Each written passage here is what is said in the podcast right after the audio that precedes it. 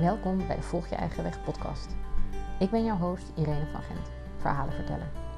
Ik ben schrijver van de boeken Natuurlijk Eten, Geluk in acht koppen thee en Volg Je Eigen Weg. En ik heb een grote liefde voor verhalen van mensen die hun eigen weg volgen. Deze verhalen deel ik met veel liefde en plezier in deze podcast. Omdat ik geloof dat we door het delen van positieve verhalen een wereld creëren die liefdevoller en duurzamer is omdat steeds meer mensen dan liefde, rust en eenvoud in hun leven ervaren. Ik nodig je dan ook uit om deze podcast te delen via social media of met je vrienden en bekenden.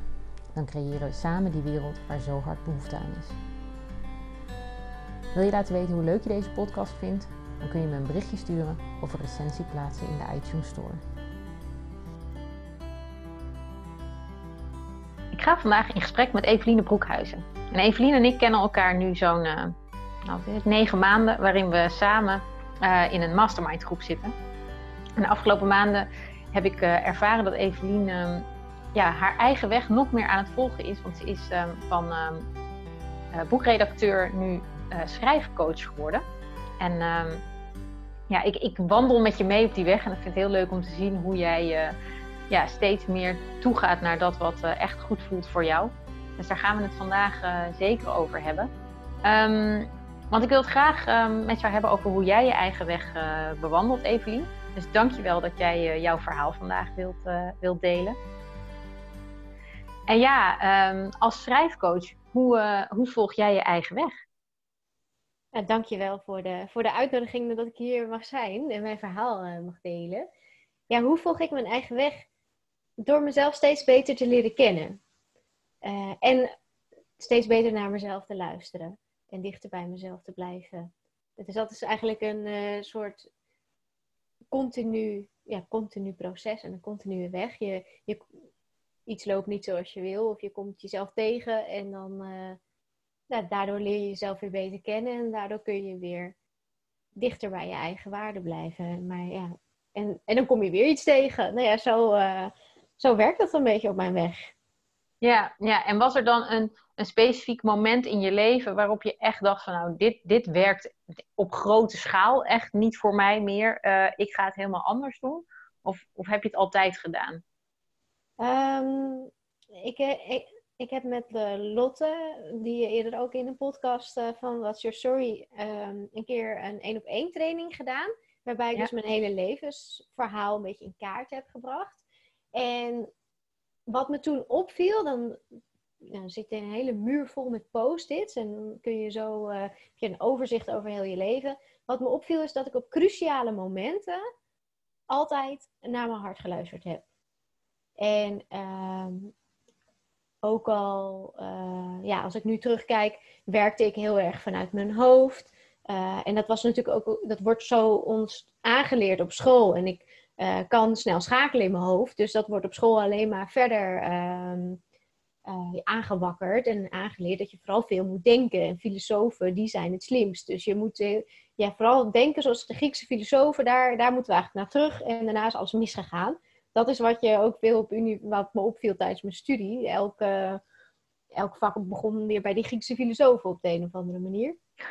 en, um, maar ja, toch heb ik daarnaast altijd wel naar mijn hart geluisterd. Gelukkig hoefde ik die studie pas te kiezen toen ik 18 was. En toen ik dus ook uh, ja, niet zozeer met mijn hoofd dacht van waar, wat ga ik studeren, waar kan ik een goede baan mee vinden en veel geld mee verdienen. Um, dat is ook door mijn hoofd geschoten, maar uiteindelijk koos ik om Nederlands te gaan studeren, uh, omdat mijn passie bij de taal lag en bij het schrijven en het lezen. Um, nou ja, van dat schrijven komt niet zoveel tijdens die studie. En daarna toen ik een master moest kiezen, wilde ik iets praktisch. Dat voelde ik heel duidelijk. Van wat heeft de wereld hier aan dat ik nu onderzoek kan doen uh, naar verschillende, verschillend woordgebruik bijvoorbeeld. Uh, dus ik wilde wel iets, ja, iets maken, iets doen. Dus vandaar dat ik een master heb gekozen waarbij je in de uitgeverij ook stage ging lopen en echt een boek ging maken. Uh, nou ja, zo zijn er een aantal wel cruciale momenten waarop ik besloot het anders uh, te doen. En om echt uh, die schrijfcoach kant op te gaan, dat was wel iets wat geleidelijk ging. Ik, als redacteur dacht ik denk ik heel veel mee met de auteur en coachte ik daar daarin veel om ook mijn ervaring in het boekenvak met auteurs te delen die niet per se uit het boekenvak komen. Ehm, en toen wij in januari een mastermind hadden, toen voelde ik heel duidelijk de druk van de deadlines van redactiewerk op mij. Ik voelde dat die redactieklussen gewoon een plek in mijn agenda opnamen en een druk op mijn schouders legden, waardoor er geen ruimte was. Waardoor er geen ruimte was voor vernieuwing, voor, uh, voor ja, anderen, om te spelen, om zelf te schrijven ehm, en om die coaching echt te laten groeien.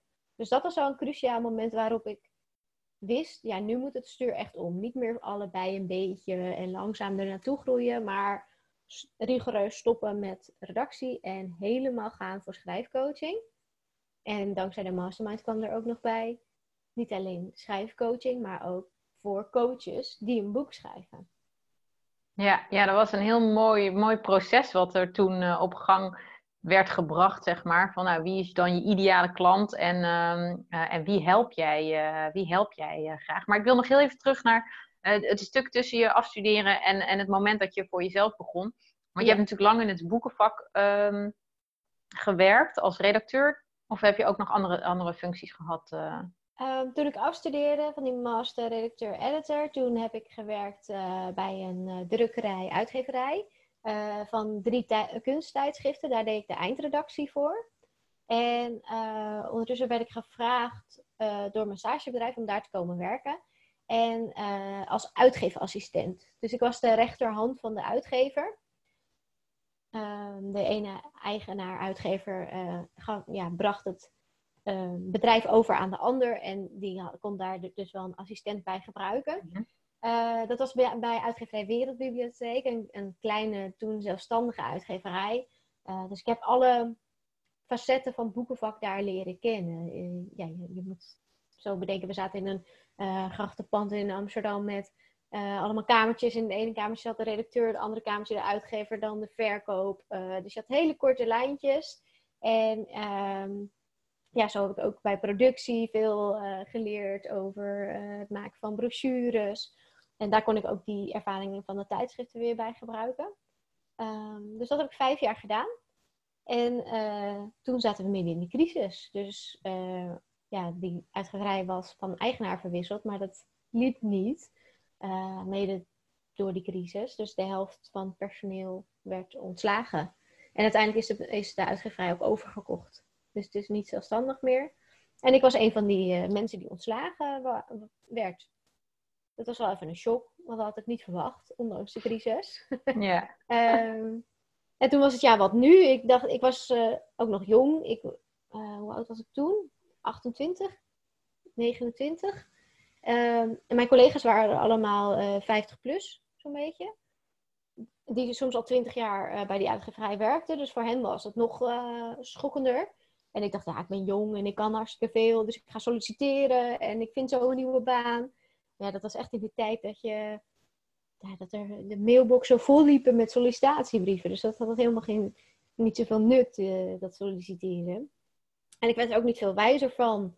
Uh, want ja, die energie, ik stopte dan wel heel veel energie in het schrijven van zo'n brief. En dan las ik me in in het bedrijf. En uiteindelijk kreeg je een standaardbrief terug. Uh, ik weet nog bij één um, soort headhuntersbureau. Daar, werd ik, daar had ik die zeiden van nou, deze functie, daar ben je nog een beetje, uh, eigenlijk min of meer zeiden ze, daar ben je nog een beetje te klein voor meisje. Dus toen zei ik, ja, ik was dan wel uitgeefassistent, maar dat was meer assistent-uitgever dan dat ik alleen maar administratieve dingen deed. Dus toen werd ik uitgenodigd voor een gesprek, heb ik hele 360 graden feedback gehad en daar kwam heel duidelijk uit van, nou, je zou ook wel heel goed uh, voor jezelf kunnen werken. Dus toen, ja, daar begon wel een beetje dat, uh, dat zaadje was eigenlijk geplant. En uh, zo kwamen er nog wat dingen op mijn pad. Ik dacht, oh ja, misschien is dat toch wel fijn. Ik dacht, ik had namelijk het beeld van een eigen ondernemer. Sommige mensen zie ik nu, die worden eigen ondernemer omdat ze vanwege de vrijheid. Nou, dat dacht ik helemaal niet. Ik dacht, een eigen hmm. ondernemer, die is altijd aan het werk. Dan, dan uh, laat je werk je nooit los. Dan zit je s'avonds nog achter je computer. Dat was het beeld wat ik had. Uh, dus ik dacht, nou, dat wil ik niet. Ik uh, wil gewoon lekker die deur achter me dicht trekken en naar huis en uh, niks, geen zorgen meer. Um, maar ja, dat was ja, en de veiligheid en de zekerheid die een vaste baan bood, dat vond ik ook prettig. Maar dat bood dus helemaal niet zoveel veiligheid en zekerheid meer. Nee. En even goed had ik mijn uh, ziel en zaligheid in dat werk gestoord. En als het dan niet werkt, nou ja, dan kun je gaan. Ja. Nou, dan, Ik dacht, nou ja, als, dan kan ik beter gewoon zelf op mijn bek gaan. en dan ook weer mijn wonden helen. Um, dan dat ik dat voor een ander doe. Ja. Dus dat was echt wel een mind switch ook. Uh, ja, hoe ik te tegenover dat ondernemen stond. Ja. Ik was eigenlijk gewoon, gewoon gaan beginnen met een eigen website opzetten. Ook al een beetje voor de lol, omdat je je tijd, nou je hebt heel veel tijd ineens. En daarin dacht ik, oké, leuk, ja, eigen website. En wat zou ik dan doen? En wat zou ik dan aanbieden? Dus daar kreeg ik zoveel meer energie uit dan uit die uh, sollicitatiebrieven. Dat ik daar eigenlijk ook ja, heel erg gewoon mijn, die energie van waar word ik blij van? Waar, waar voel ik me positief door? Dat ik die ben gaan volgen. Gaaf. En, en nou, toen, toen ben je voor jezelf begonnen. Dan heb je een aantal jaar. Uh, ja, wat, wat, wat deed je toen in die eerste jaren? Um, nee, toen heb ik vooral freelance redactiewerk gedaan. Uh, ik had um, ook wel een netwerk in het boekenvak, want de master uh, redacteur editor die ik had gedaan, daar wordt elk jaar uh, worden daar maar 20 mensen voor toegelaten. En vaak wel 15 van die 20 of zo komen in het boekenvak terecht. Dus ik had nog oud-studiegenoten die, ja, waar, ik, waar ik opdrachten vandaan kon halen, zeg maar. Maar eigenlijk ook al heel snel zelfstandige auteurs. Uh, die bij mij kwamen en die gewoon aangaven: ja, ik zie, ik heb een verhaal, ik zie dat beter kan en ik wil dat een professionele blik erop. Um, dus nou ja, zo heb ik freelance uh, veel klussen gedaan eigenlijk. Uh, vooral het nakijken en verbeteren van, van manuscripten voordat het een boek wordt. Um, en, in, en in het begin vond ik het ook nogal fijn om er iets van vast inkomen naast te hebben. Dus ik heb daarnaast ook uh, les gegeven op het MBO. Daar heb ik Nederlands gegeven. Want in, toen ik had besloten dat ik uh, voor mezelf ging beginnen, een paar, ik denk twee maanden daarna, uh, ging de relatie uit van elf jaar. Uh, dus ik uh, ging verhuizen en weer, ik had, moest alle, alle rekeningen zelf betalen. Dat heb ik nog nooit gedaan. Ik was vanuit huis gaan samenwonen, mijn 21ste. Dus ja, toen was ik 29 en uh, eigen baan, of uh, eigen bedrijf.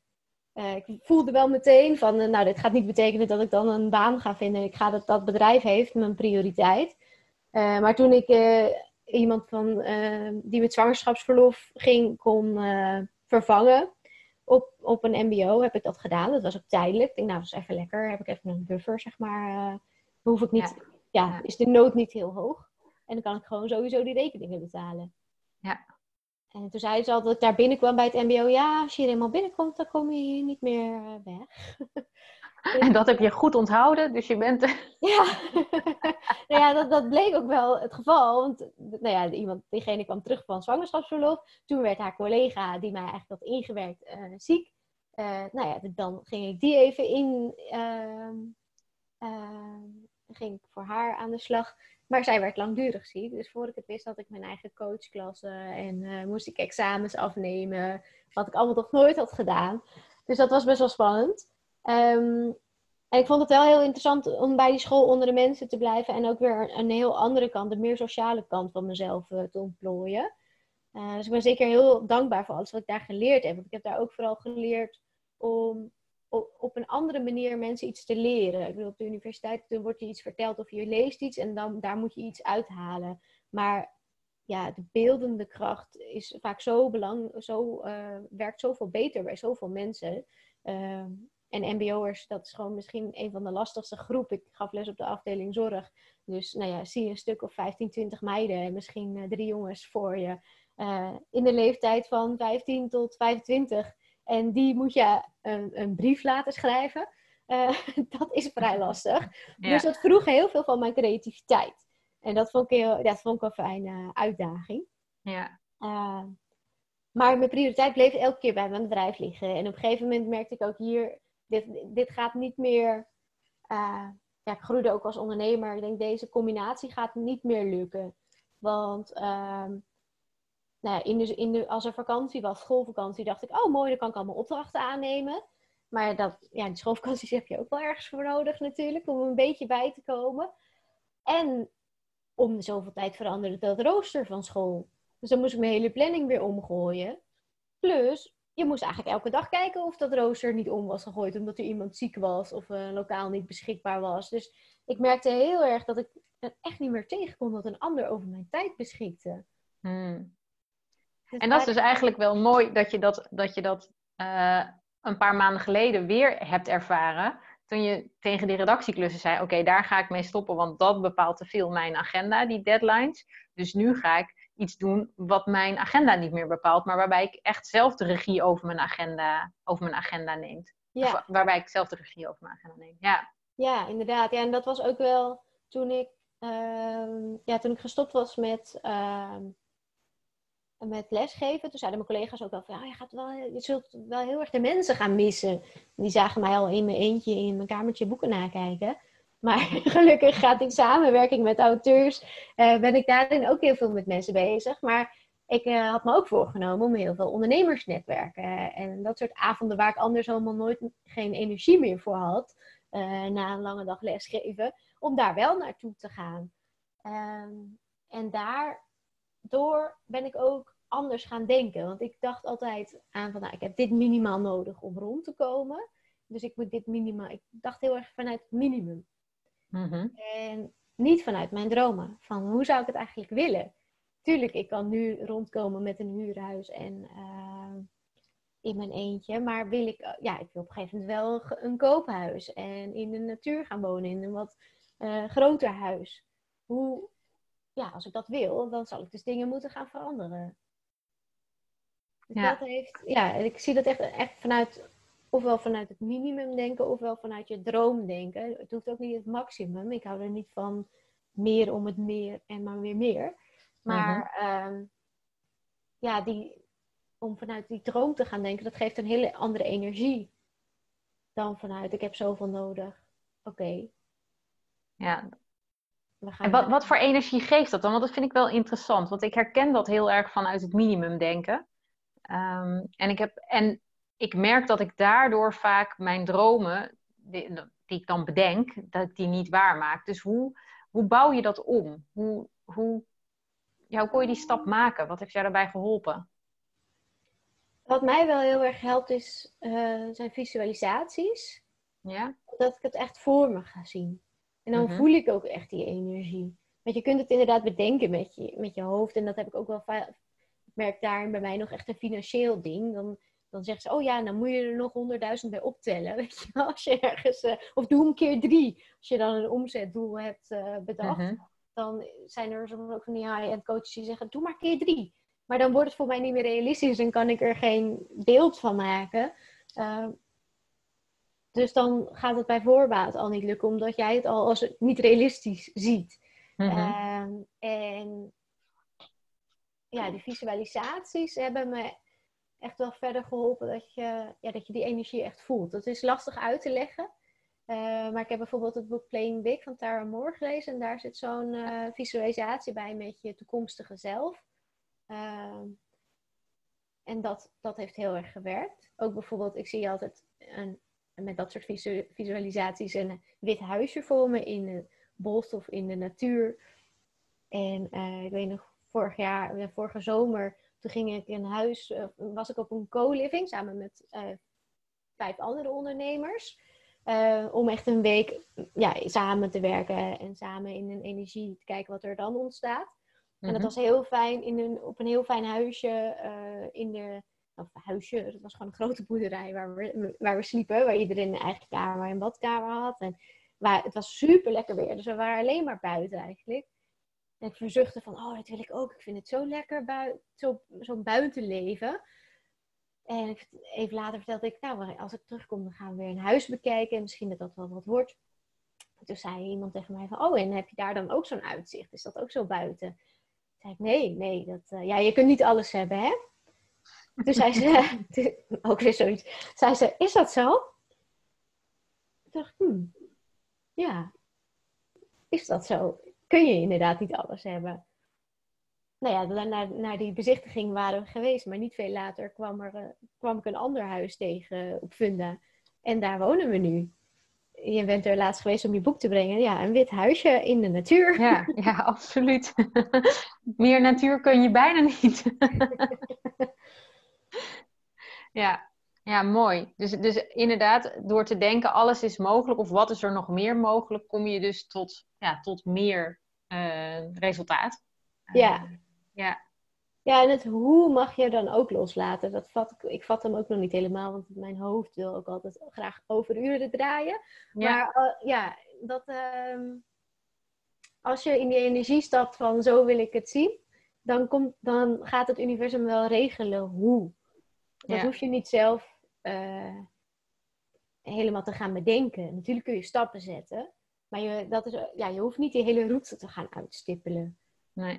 Kijk maar wat er gebeurt. Zet maar die eerste stap en dan uh, zet je iets in beweging. Kijk maar wat er gebeurt. Ja. ja. En wat, is dan, wat, is, wat zou dan een eerste stap kunnen zijn? Want we, ik vind het wel leuk om even door te gaan. We hadden, vorige week hadden we elkaar even aan de lijn en zeiden we gaan het vandaag hebben over hoe volg je je eigen weg bij het schrijven van, uh, van een boek. En uh, toen maakten we de grap van, uh, ja, doe het gewoon. Um, en als je, je een boek wil schrijven, dan is dat ook eigenlijk de eerste stap. Doe het gewoon. Dan ga zitten en ga schrijven. En een van jouw um, stokpaardjes is volgens mij uh, begin met de inleiding. Um, en ik vind dat heel grappig, want ik heb van iemand anders geleerd: begin met de achterflap. Ja. Uh, dus um, als, je nou, als je nou echt je eigen weg wilt volgen in het schrijven van een boek. Um, ja, ik weet hoe ik dat doe. Uh, daar zal ik zo meteen ook nog wel iets over vertellen. Maar hoe, hoe zou jij mensen adviseren om dan te beginnen met schrijven? Ja, allereerst inderdaad, voor die inleiding begint het doen. Het, uh, het schrijven. Uh, stel, ja, en ook het verzamelen is dat. Mm-hmm. En dan hoef je, het hoeft nog niet eens voor je boek te zijn, maar blogs of opschrijven. Ja, morning pages, dat je s'morgens, als je opstaat, eerst drie pagina's vol schrijft. Of ehm, freewriten vind ik ook altijd heel prettig. Dat je gewoon 10 minuten een wekker zet en, en je gaat schrijven. En, en het gaat stromen. En uh, ja, kijk wat er dan uitkomt. Waar je dan opkomt. Mm-hmm. Dat is niet gelijk materiaal voor je boek. Dat is vooral schrijven voor jezelf.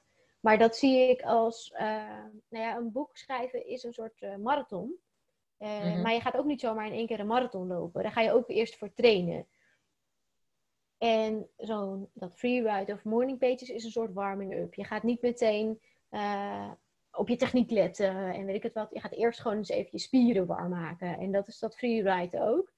Dus eerst eens even die spieren warm maken. Wat, ja, dat je wat behendigheid krijgt in het schrijven.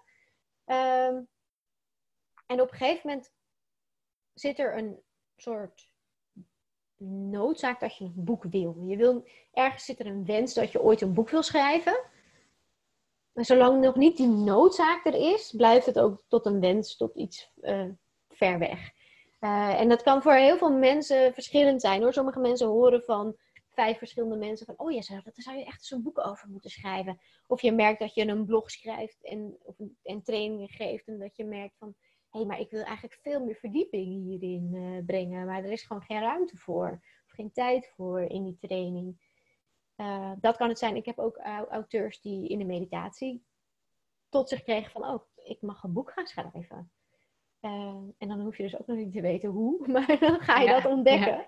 Ja, ja, uh, de, en die, maar die noodzaak is noodzakelijk. Is, ja, die urgentie moet je voelen, anders ga je die hele marathon niet uitlopen. Dan denk je na een paar, nou, als je de straat uit bent, oh laat maar. Want er zijn genoeg leuke dingen die je, die je onderweg tegenkomt. En uh, als je ondernemer bent dan, en je bent bijvoorbeeld uh, heel druk bezig om workshops te geven of jezelf op de kaart te zetten voor trainingen.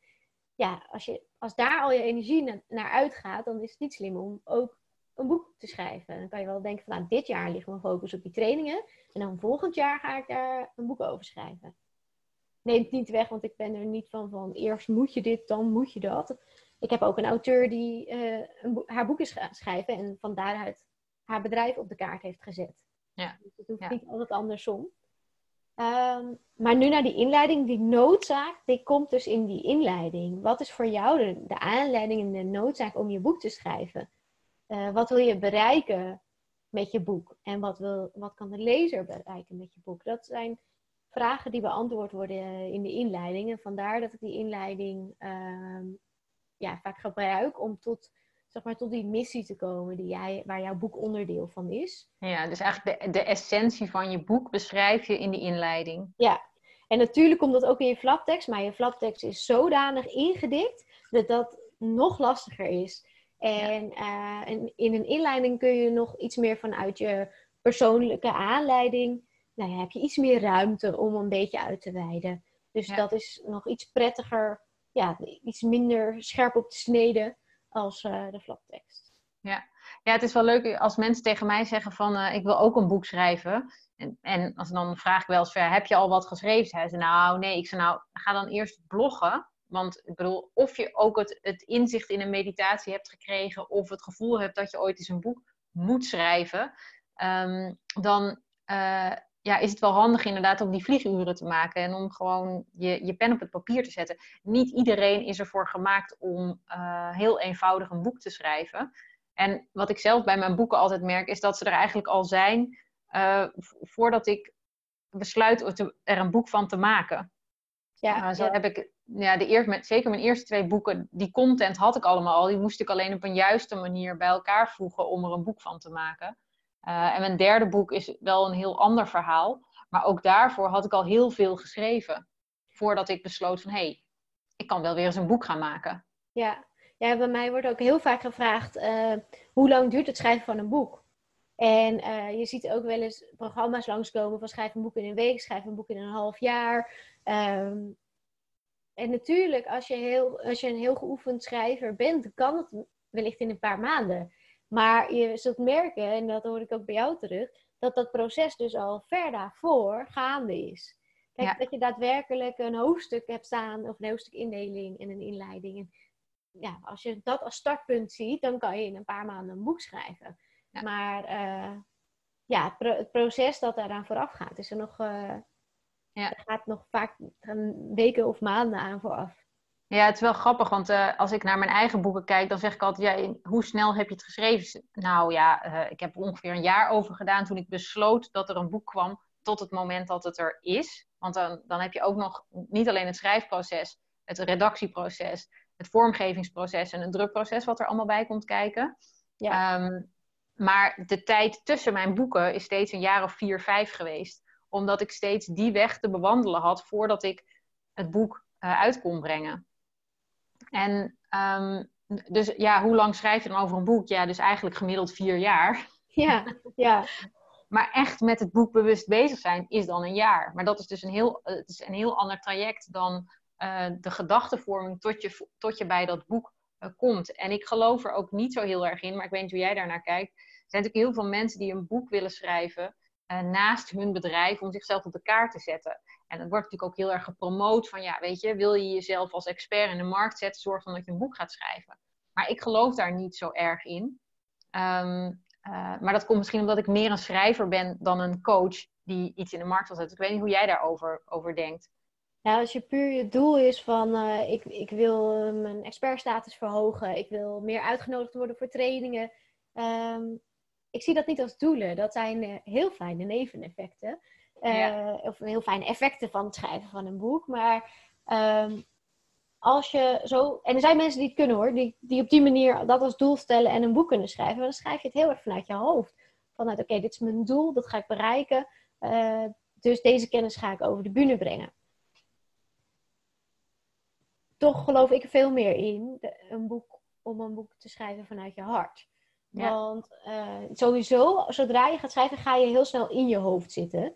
Uh, denk maar aan spelling en uh, hoe hoort het eigenlijk? Oh, ik moet, mijn eerste zin die moet wel meteen pakkend zijn. Uh, oh ja, maar hoe pakken? Wie wil ik eigenlijk pakken? Nou ja, zo kan het allemaal in je hoofd gaan. Of wie ja. zit er eigenlijk op mijn verhaal te wachten? Uh, ja. Wie ben ik om hier wat over te gaan vertellen? Nou, al die stemmetjes, um, ja, die, die je misschien wel herkent als je iets nieuws gaat doen, die gaan bij een boek schrijven ja, wordt die volumeklop uh, op 10 gezet, als het ware. Uh, dus zolang je dan ook vanuit je hoofd een boek wil schrijven, vanuit uh, rationele doelen, is de kans groot dat je blokkeert daarop. Mhm. Omdat je het niet voelt, omdat je niet die drive voelt. Daarom ga ik, ja, hamer ik ook zo op die, die noodzaak of die missie, die, je, die drive die je voelt van, oh, dit boek, dit is wat ik in de wereld wil zetten. Dit is wat ik hier te doen mhm. heb. Uh, dat gaat je helpen om te weten van, oh ja, maar daar doe ik het voor. Als er maar één iemand is die dit leest eh, door, en die hierdoor iets in zijn leven verandert, dan is mijn boek het al waard. En je weet, het blijft niet bij die ene persoon. Uh, dus die drive vind ik zo belangrijk. Ook dat je in die energie gaat zitten. Van, oh ja, het is het, dat helpt je gewoon om weer ja, antwoord te geven aan die stemmetjes. Van wie ben jij en wat doet het er eigenlijk toe? Ja. Naar die diepere waarde gaat. Ja, ja. dus het gaat echt over uh, delen wat je voelt. En um, voor de een is dat delen via een boek. Um, en de ander kan het ook weer via andere kanalen delen. Het is echt je verhaal durven delen. En dat verhaal in een. Nou, voor sommige mensen is echt een boek de vorm. Dat is het voor mij ook altijd. Um, uh, maar voor een ander is dat inderdaad een, een podcast of een videokanaal of een training of wat dan ook. Weet je, niet, niet voor alles niet voor iedereen is het weggelegd om een boek te maken. Klopt, en het hoeft ook niet allemaal tegelijk. Wat ik zei, ja, als jij nu je focus wil leggen op workshops geven en trainingen geven. Uh, en je wil daarnaast ook nog een boek, maar dat is telkens pushen om, om, om ook nog eens aan het boek te werken. Dan zit je helemaal niet met een lekker energie aan het boek te werken. Dan kan je beter zeggen, oké, 2021 wordt mijn boekjaar. Dan zet ik dat bovenaan mijn prioriteitenlijstje. En dan voelt het, ja, is het veel fijner om ermee aan de slag te gaan dan wanneer het nu tussen al die andere dingen door probeert te proppen. Want dat werkt over het algemeen niet echt met schrijven. Ja, ehm, en aan de andere kant, wat ik van, van Julia Cameron leerde, de schrijfster van uh, The Artist Way, is dat zij zegt: Ik heb juist ook die tussenmomenten nodig om te schrijven. Dus als ik even ergens zit te wachten uh, en ik heb een inzicht, dan moet ik dat wel opschrijven.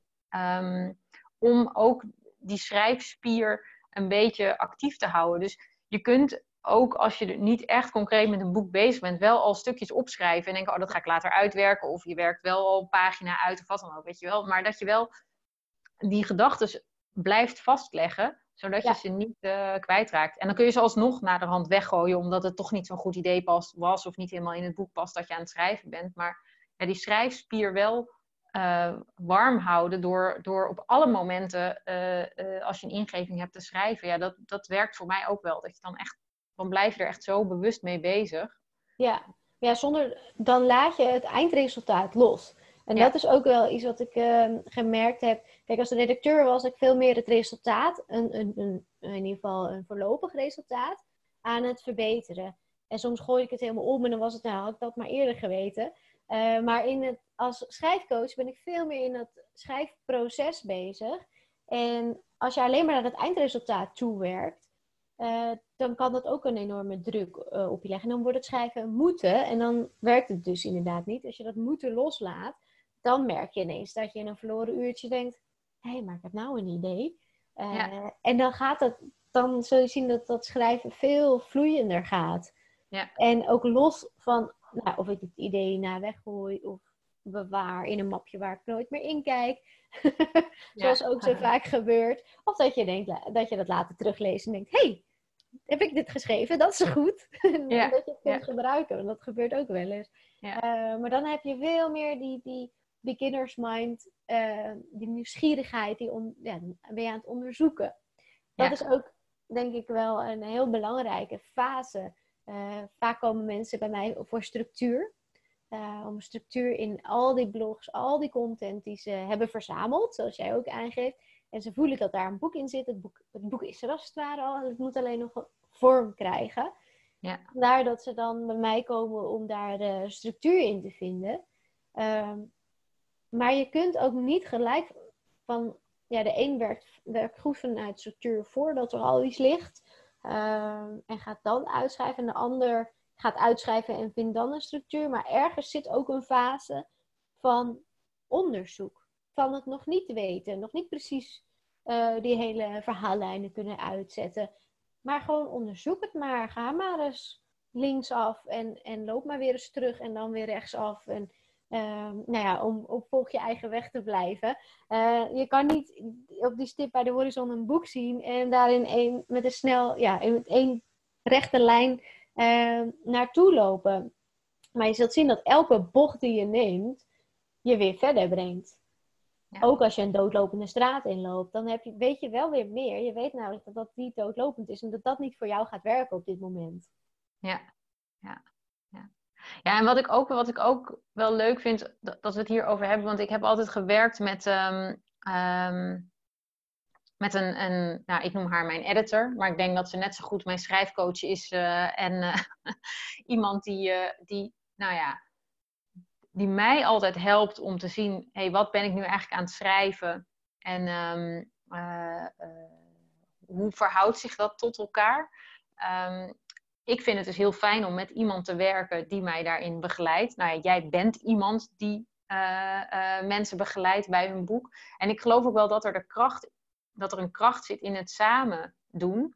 Omdat je zelf ook zo in zo'n, ja, denk je, oh, dit is hartstikke goed wat ik heb geschreven. En ik ben nu weer met een boek bezig, een compleet ander boek dan mijn eerste drie boeken, een roman. En dan denk ik, ja, dit is best wel goed. Maar ik kan er ook met, vanuit een andere blik naar kijken en denk, nou, die zinnen nou, ik weet niet zo goed, weet je wel. Misschien is het wel heel saai voor anderen. Of weet je, het is heel fijn om iemand uh, ja, erbij te hebben die met je, die met je, mee, uh, die met je meeloopt. Ja. Um, ja, dat wilde ik gewoon even zeggen. Ik zit niet echt nu met een, met een vraag. Ja. Ik wil eigenlijk alleen maar bevestigen hoe goed het is dat jij er bent. ik kan er wel op inspringen, want je hebt als auteur gewoon blinde vlekken. Uh, mm -hmm helemaal als je ook ondernemer bent en over je vak schrijft, of als je coach bent. Um, jij zit al uh, zo lang in het vak. Het is voor jou, en ook, ook als je trouwens je levensverhaal schrijft, want jij kent je leven. Dus je weet hoe je, hoe je huis eruit ziet, hoe je wereld eruit ziet. Maar de lezer heeft geen idee. Uh, en ook bij je vakgebied. Het is heel lastig om te bedenken hoe het is om nog niet te weten wat jij allemaal weet. Mm -hmm. Dus die switch naar die lezer, van hoe, ja, om je in een, iemand anders uh, te verplaatsen. En hoe het is om je boek voor het eerst te lezen. En voor het eerst die kennis tot je te krijgen. Dat kun je als auteur haast niet helemaal. Ja, dat kun je niet helemaal. Nee, dat kun je niet zien. Nee. Daar heb je echt iemand anders voor nodig.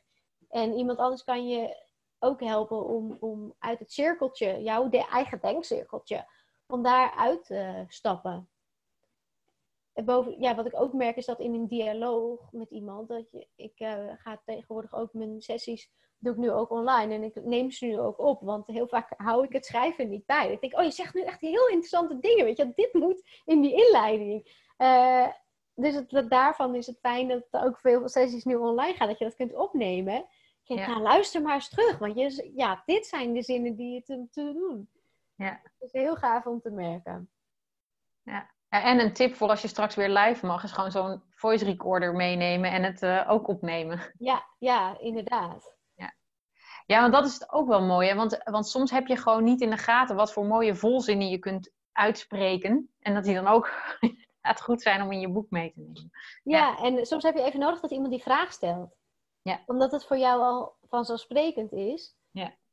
En soms komt er ook een vraag die jij jezelf nooit had afgesteld, afge, uh, die je jezelf nooit had gesteld, waardoor je, nou ja, dan begin je te praten, waardoor je ook pratenderwijs denkt, oh, dit is interessant wat ik, ja. wat ja. ik zeg. Hm. Maar dat je daarna niet meer kunt vatten. Dat zijn die frustrerende momenten. Maar ja, opnemen wel uh, heel erg fijn. En ook als je, het is ook wel vaak een tip voor mij, als je beginnend schrijver bent en je merkt dat inderdaad, dat je dan heel snel in je hoofd schiet of dat je het heel lastig vindt uh, om te schrijven, dat je bijvoorbeeld niet een fijne toon hebt, dat je te formeel schrijft, om gewoon eens te gaan praten, om te gaan uitleggen wat je, waarover je wil gaan schrijven. Alsof je het tegen je buurvrouw hebt of tegen je beste vriendin. En dat op te nemen. Want da en op basis daarvan zul je veel vlottere blogs kunnen schrijven met jouw tone of voice. Ja, wat een mooie tip. Ja, die krijg je er gratis bij. Ja, krijg je er gewoon gratis bij. ja, voor mij is dat heel... Ik heb daar nooit een probleem mee, want ik schrijf zoals ik praat. Dus ja. dat is, dat is, ik, ik heb daar geen enkele moeite mee om alles wat ik zeg uh, op die manier op papier te zetten. Maar ik, ik, ik begrijp ook dat dat soms heel lastig is. Ik heb dat in het begin ook wel eens gehad, dat je dan heel netjes gaat schrijven. Ja, ja. Omdat je denkt dat het zo hoort. Maar ook daarin ja, je eigen weg volgen. Ja. ja. we hebben allemaal taalles gehad op school. En daar zijn ons dingen ingeprint. Mm Ja, waarvan ik nu heel vaak zeg, vergeet dat. Maar ja, en je, daarin merk je heel erg dat, dat sommige dingen die schoolmeesters of juffen hebben gezegd, dat die nog lang kunnen resoneren. Ook als je bijvoorbeeld dyslectisch bent, dat vroeger is gezegd van nou schrijven, dat, uh, dat gaat jou nooit lukken. Daar ga je nooit goed in worden. Of wat dan ook. Ja, dat, dat, dat mensen nu nog steeds zoiets hebben van nou een boek schrijven, dat is niks voor mij. En dat kan. Het kan ook zijn prima dat je supergoed kunt vloggen uh, of een podcast kunt opnemen. het, het is niet zo dat een boekschrijver erbij hoort als je op een gegeven moment op een bepaald niveau komt als ondernemer. Uh, het moet echt bij je passen. Ja. Dat vind ik ook wel een mooie, een mooie uh, gedachte om mee te nemen. Dat, weet je, het is tegenwoordig zo gemakkelijk om een boek uit te geven. daar gaan we het nog in een ander gesprek ook over hebben, hoe het is om je boek in eigen beheer uit te geven. Maar um, uh, het lijkt wel alsof iedereen vindt dat hij een boek moet gaan schrijven. En dat is gewoon niet waar. Want als je bekijkt, um, ten eerste hoe moeilijk het is om een boek uit te brengen en, en verkocht te krijgen. Uh, en ten tweede, hoe het, het hele proces om het te schrijven, zijn er vele makkelijkere manieren om je boodschap de wereld in te brengen. ja, ja, zeker. Nee, daar, daar zoek ik ook altijd naar met mijn uh, coachklanten. Wat past echt bij jou? Ook uh, bij het uitgeven. Wil je het helemaal in eigen beheer doen? Je ben, dan, ben je, dan wordt je, je boek wordt ook je business. Uh, dus wil je ook die administratie doen en die distributie. En wil je een ISBN aanvragen en een barcode, heb je daar allemaal zin in? Of, of wil je bij een team horen? ergens binnenkomen en een, en een logo op je boek. Sommige mensen zeggen een logo op mijn boek. Ik heb daar nog nooit naar gekeken. Het doet me helemaal niks. Nou ja, dat is ook uh, zoeken. Wat past bij jou? Wat past bij je boek? En welke uitgever past bij jou? Ja. Uh, maar ook in nog een stapje daarvoor inderdaad. Uh, we kijken ook altijd, moet het in je boek? Want dat is ook een grote valkuil van veel uh, schrijvers. Van, oh, maar als ik een boek ga schrijven, dan wordt dat, dat wordt iets groots. Daar ga ik alles in stoppen. Nou ja, je kunt niet alles in een boek stoppen. Dus de valkuil om te veel in je boek te willen stoppen is ook uh, ja, heel groot. Nou ja, en zoals nu zul je bijvoorbeeld merken dat veel mensen iets over de coronacrisis willen zeggen. Dat is iets heel actueels. Ook al zal het nog uh, jaren wel nazinderen in ons leven. Past het bij je boek om daar iets over te zeggen? Of kun je, kan je het beter in een blog zetten wat nu online staat, wat nu op de actualiteiten kan inspringen. En dat over, uh, dat, nou ja, weet ik, in 1 september weer minder actueel is. Dan is online daar helemaal prima voor. Ja. Een boek is toch meer tijdloos um, en meer verdiepend. Dus daarin kijk je ook altijd, wat ik net zei, van waarin merk je van hier wil ik eigenlijk, hier heb ik veel meer over te vertellen, maar daar heb ik in een blog geen ruimte voor ja. dat, dat is voer voor een, voor een boek. Ja, ja, leuk. Heb je nog een, um, want ik vond de tip ook om gewoon, um, als je een boek wil schrijven, het gevoel hebt om een boek te willen schrijven, je, ga gewoon aan de slag. Yes. En uh, wees helder over dat wat je wel en niet wilt, uh, wilt schrijven. Maar heb je nog een tip voor mensen die nu denken van, hé, hey, ik wil echt, uh, ik, ik heb nu zoveel content, daar wil ik een boek van maken. Um, ja, wat, wat, wat kunnen ze doen? Um, ja, wat ik vaak doe, is beginnen met een heel simpele woordspin. Dat je -hmm. een rondje maakt met een woord erin, bijvoorbeeld mijn missie of mijn verhaal.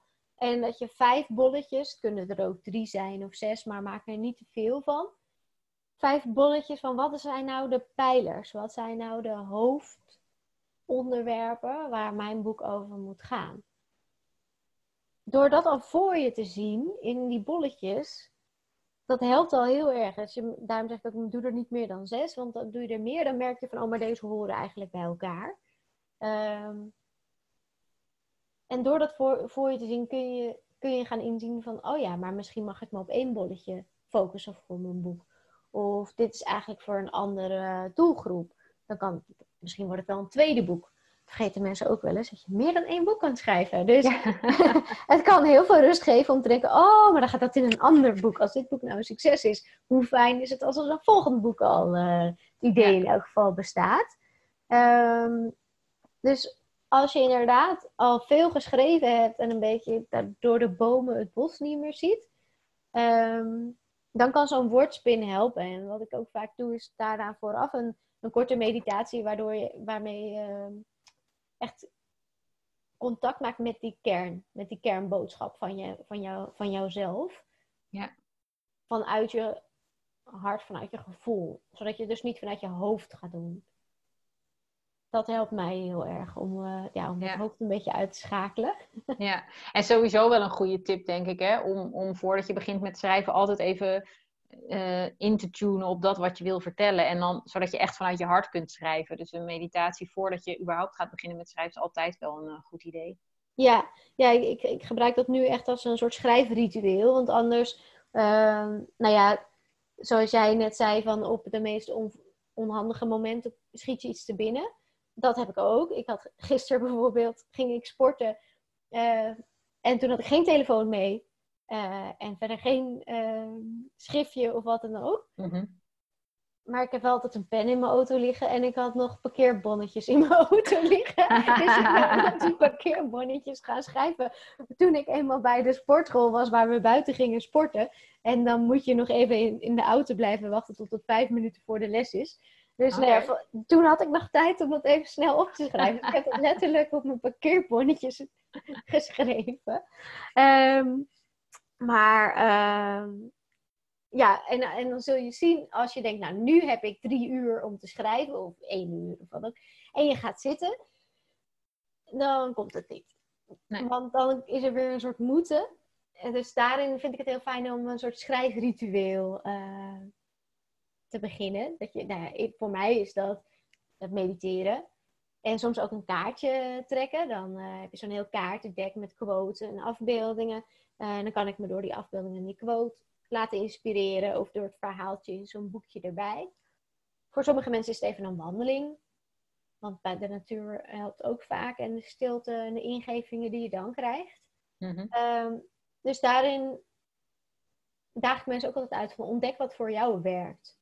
Uh, want gewoon gaan zitten en oké, nu ga ik schrijven en helemaal, oké, nu ga ik aan mijn boek werken. Dat werkt niet altijd. Nee. dat, dat werkt heel snel contraproductief.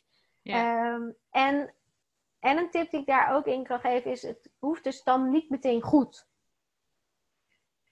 Het kan, ja, durf, ik noem dat vaak, uh, durf door de bullshit heen te schrijven. Er komt eerst gewoon een hele hoop bullshit uit je ja, Ja. En nou, dan zul je zien halverwege het A4'tje.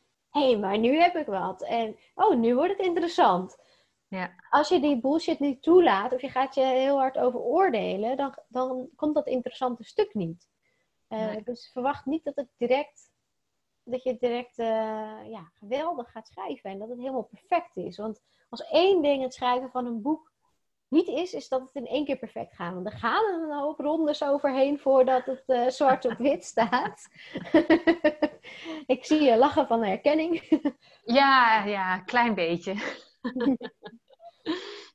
ja, en het wordt elke ronde beter. Dus durf het ook gewoon, ja, die, die, dat experiment aan te gaan. Die zoekende, onderzoekende fase. Ja. Die is noodzakelijk. Uit, uit die chaos gaat creativiteit ontstaan. Zo, ja, als je direct perfect wil, dat, dat, dat kilt je, je, je creativiteit. Ja, ja.